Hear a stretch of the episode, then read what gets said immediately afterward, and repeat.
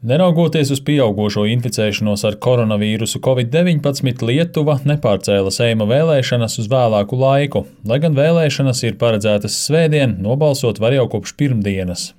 Šoreiz iepriekšējās balsošanas periods ir garāks, lai nepieļautu vēl plašāku Covid-19 izplatīšanos. Kopš februāra beigām, kad Lietuvā reģistrēja pirmo koronavīrusa inficēto, valstī ir atklāti vairāk nekā 5300 saslimušo, no tiem miris ir vismaz 81. Lietuva, tāpat kā citas Eiropas valstis, pavasarī slēdza savas robežas un ieviesa iedzīvotāju pulcēšanās un pārvietošanās ierobežojumus. Tie deva rezultātus, jo Lietuvā joprojām ir vieni no zemākajiem saslimstības rādītājiem Eiropā.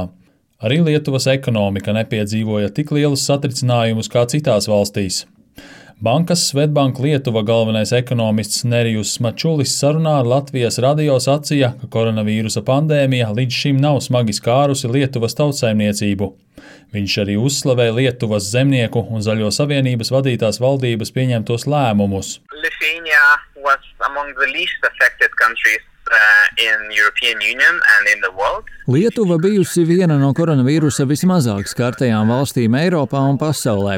Iekšzemes koprodukts samazinājās šī gada otrajā ceturksnī, bet kopumā pirmajā pusgadā, salīdzinot ar pagājušā gada pirmajiem sešiem mēnešiem, ekonomika saruka tikai par aptuveni procentu punktu. Tāpēc nevaram teikt, ka piedzīvojam milzu krīzi. Daļēji tas ir saistīts ar mājasēmniecību vēlmi tērēt naudu uzreiz pēc tam, kad valdība mīkstināja ierobežojumus. Mums ir arī labvēlīga eksporta struktūra. Mēs neesam tik ļoti atkarīgi no ienākošā turisma, bet mūsu ražojumus veiksmīgi eksportēja arī pandēmijas laikā. Visam pāri bija milzīgais fiskālais stimuls gan valdības grantu veidā, gan sociālo pabalstu formā. Tas novērsa lielu bezdarba pieaugumu un daudzu uzņēmumu bankrotu. Šie pasākumi un fakts, ka Lietuvas ekonomika bija labi sagatavota un nepārkārsa 2009. gadā, palīdzēja mums izvairīties no sliktākā iespējamā scenārija. Nerijus Mačulis norāda, ka pandēmijas laikā bezdarba līmenis Lietuvā pieauga vien par dažiem procentpunktiem. Pieaugums lielā mērā bijis saistīts ar daudzu ārzemēs dzīvojošo Lietuvas pilsoņu atgriešanos.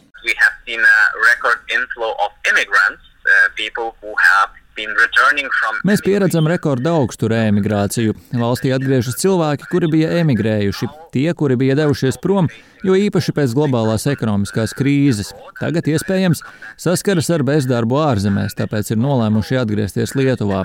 Tas arī palīdz stimulēt iekšējo patēriņu, bet parasti reemigranti īslaicīgi kļūst par bezdarbniekiem. Vaicāts, kādi būtu Lietuvas nākamās valdības galvenie paveicamie darbi, lai sekmētu ekonomikas izaugsmi, analītiķis uzsvēra nepieciešamību reformēt izglītības sistēmu.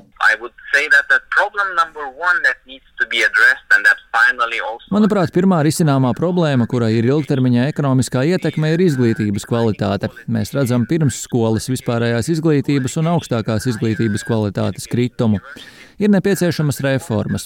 Virkne starptautisku pētījumu apliecina, ka Lietuvas skolēnu sasniegumi mācībās ir viena no zemākajiem Eiropas Savienības dalību valstu vidū. Tāpēc valstiski galvenais paveicamais uzdevums ir visaptvaroša un kvalitatīva izglītības sistēmas reforma. Mums ir arī citas problēmas, kuras ir jārisina, piemēram, reģionālā nevienlīdzība.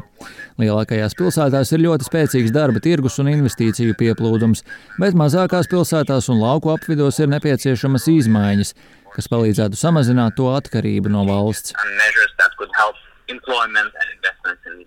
Viļņas iedzīvotāja Saule Kubiļūte līdzinējo Seima sasaukumu dēvē par skandalozu bet tas esot veicinājis pilsoņu vēlmi publiski paust neapmierinātību ar savu likumdevēju un valdības darbu. Varētu teikt, ka šis seims iemācīja lietuviešiem protestēt, rīkot mitiņus, tāpēc ka tie bija vismaz divi, cik no es atceros.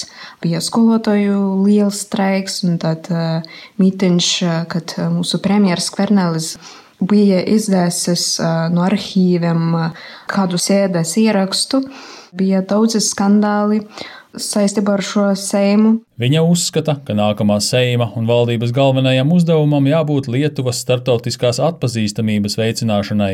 Skatoties uz to fonu Baltkrievijas noteikumos, domāju, ka šī seima, nākamajā seimā prioritātēm būtu jābūt Lietuvas tēla veidošana pasaulē.